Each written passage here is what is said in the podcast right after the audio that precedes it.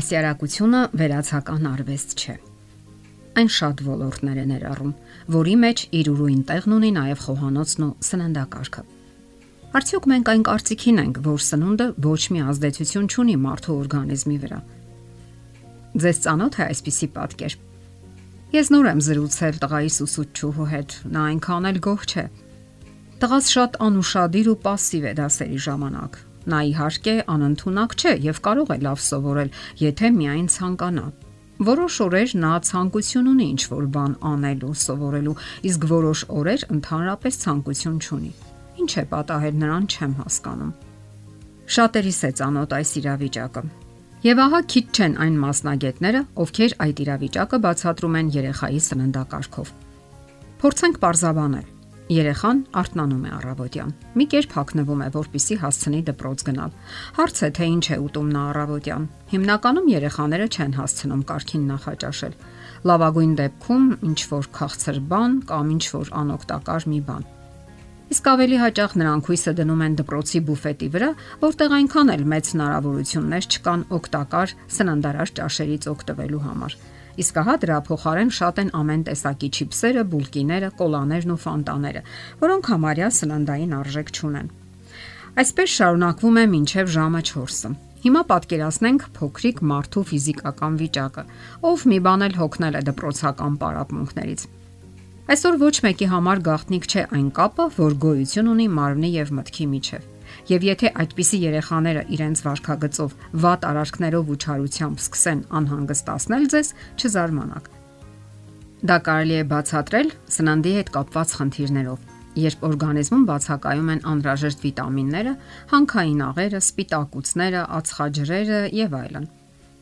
Կամ դուք հանդիպել եք գրգռված նյարդային անհանգիստ երեխաների, որոնք անընդհատ լաց են լինում, բարկացած են կամ կռվարար։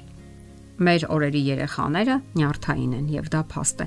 Նրանք ենթարկվում են կյանքի ընդհանուր ռիթմին, որն ինքը լարված է ու նյարդային։ Մարդիկ այսօր կարքին ճաշելու ժամանակ եւ խաղաղ շփվելու հնարավորություն չունեն։ Եվ ոչ մի բան անհետևանք չի անցնում մարդկային օրգանիզմի վրա։ Իսկ սննդաբանները պնդում են, որ եթե մանրակրկիտ ուսումնասիրենք մարդու սննդակարգը, շատ հարցերի պատասխաններ կարող ենք ողրզել։ Երեխայի վարքագիծն իհարկե որոշ չափով կախված է շրջակա միջավայրից, ընտանիքից, դպրոցից, հասարակությունից եւ այնուամենայնիվ, որքան շատ հիմնախնդիր ունի երեխան, այնքան ավելի հիմնավոր պետք է ստուգել երեխայի ֆիզիկական միջավայրը։ Այնքան ավելի հիմնավոր պետք է ստուգել երեխայի ֆիզիկական վիճակը, միջավայրը, արյան քիմիական կազմը։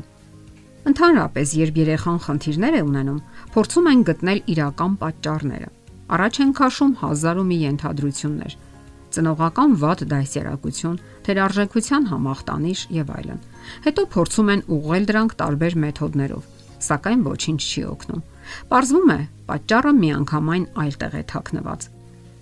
Երեխայի օրգանիզմում բացակայում են կամ քիչ են սննդարար կարևոր տարրերը։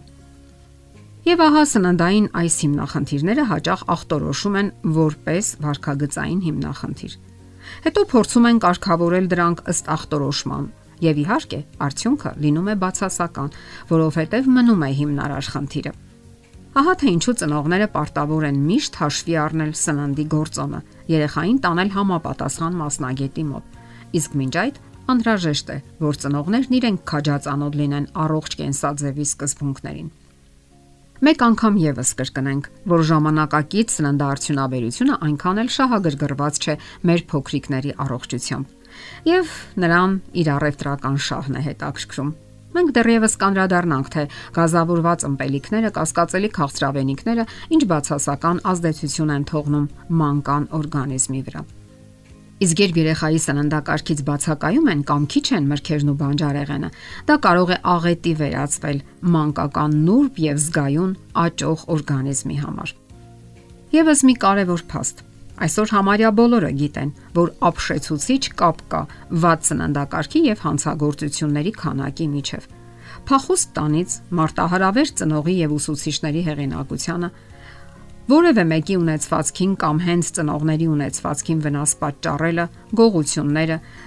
ընդհանրապես կանոններն անտեսելը հատուկ է այն երեխաներին,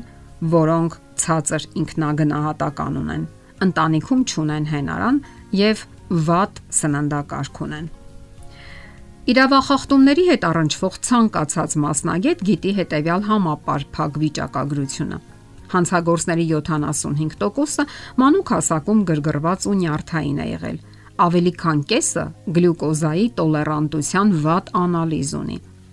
Հանցագործների 50-ից 70%-ը վատ է կարդում եւ վերջապես բոլոր հանցագործությունների 50%-ը կատարվում է խմած կամ հարբած վիճակում։